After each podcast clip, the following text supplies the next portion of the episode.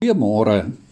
Ons lees dikwels in die Bybel van berge, die berg Ararat waarop Noag se ark geland het, die berg Sinaï waar die 10 gebooie gegee is, die berg Nebo waarop Moses gesterf het, die berg Karmel waar Elia die Baalprofete verslaan het. Jesus preek teen die hang van 'n berg. Hy word verheerlik op 'n berg. Van die Olyfberg af vaar hy op na die hemel. Ons lees dikwels van die Libanonberge en die Psalm sing van die Sionsberg.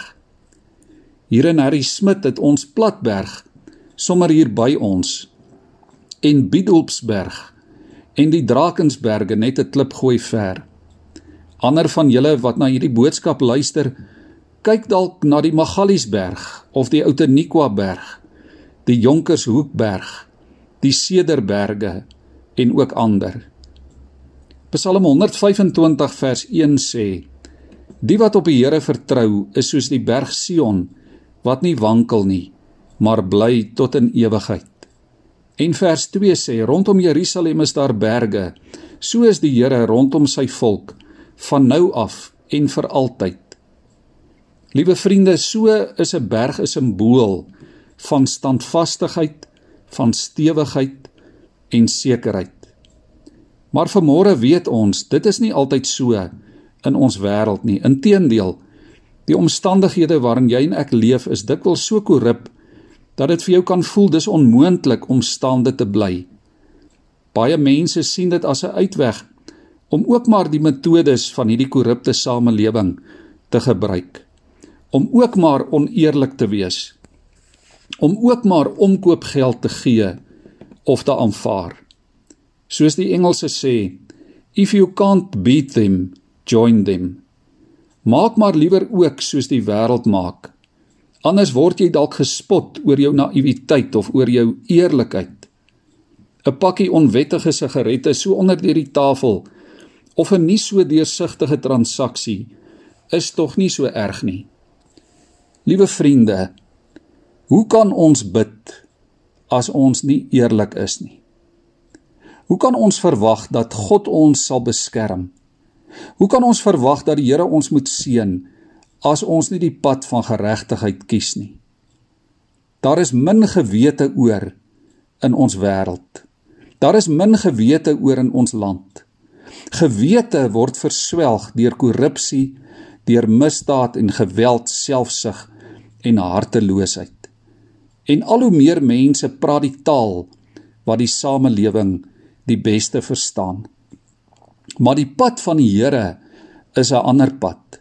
Die taal van God is 'n ander taal. Dit sê die heel eerste Psalm al helder en duidelik. Jerusalem was 'n baie besondere en sterk vestingstad. Ondeurdringbaar met sy hoë mure, sy besondere ligging en met die berge as simbool van God se trou en sy sorg en sy krag. Maar Jerusalem se groot probleem was nie so seer 'n bedreiging of 'n vyand van buite nie. Jerusalem se probleem was korrupsie en ongeregtigheid van binne, van binne die stadsmure. Die sterk mure en selfs die berge as simbool kon nie die elende in hulle eie kring keer nie. En daar was vir Jerusalem net een antwoord. En dit was by die Here. Soos daar vir jou en vir my net een antwoord. En dit is by God. Daar was net een manier om innerlike sekerheid na binne te kry. En dit was om die Here te kies en die pad voluit met die Here te loop. Daar was nie 'n ander manier nie. Daar was nie 'n ander pad nie.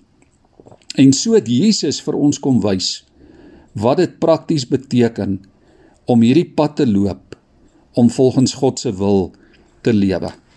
Ek lees vir ons Psalm 125. 'n Pelgrimslied. Hulle wat op die Here vertrou, is soos die Sionsberg wat nie wankel nie. Vir altyd staan dit vas. Jerusalem word omring deur berge. Die Here omring sy volk van nou af tot in ewigheid.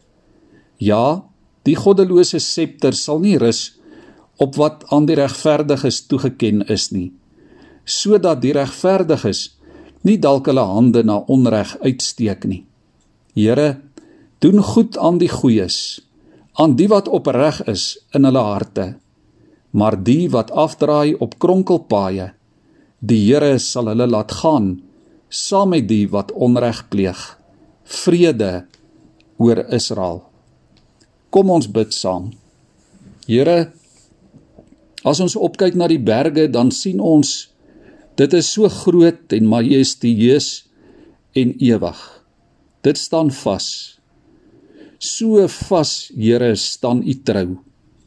So vas staan U as die beskermer en die bewaarder. In U is geregtigheid en waarheid en vrede, standvastigheid en hoop. Here help ons om vas te bly staan in 'n korrupte wêreld. Help ons Here om onwrikbaar op U te bly vertrou, om opreg te lewe.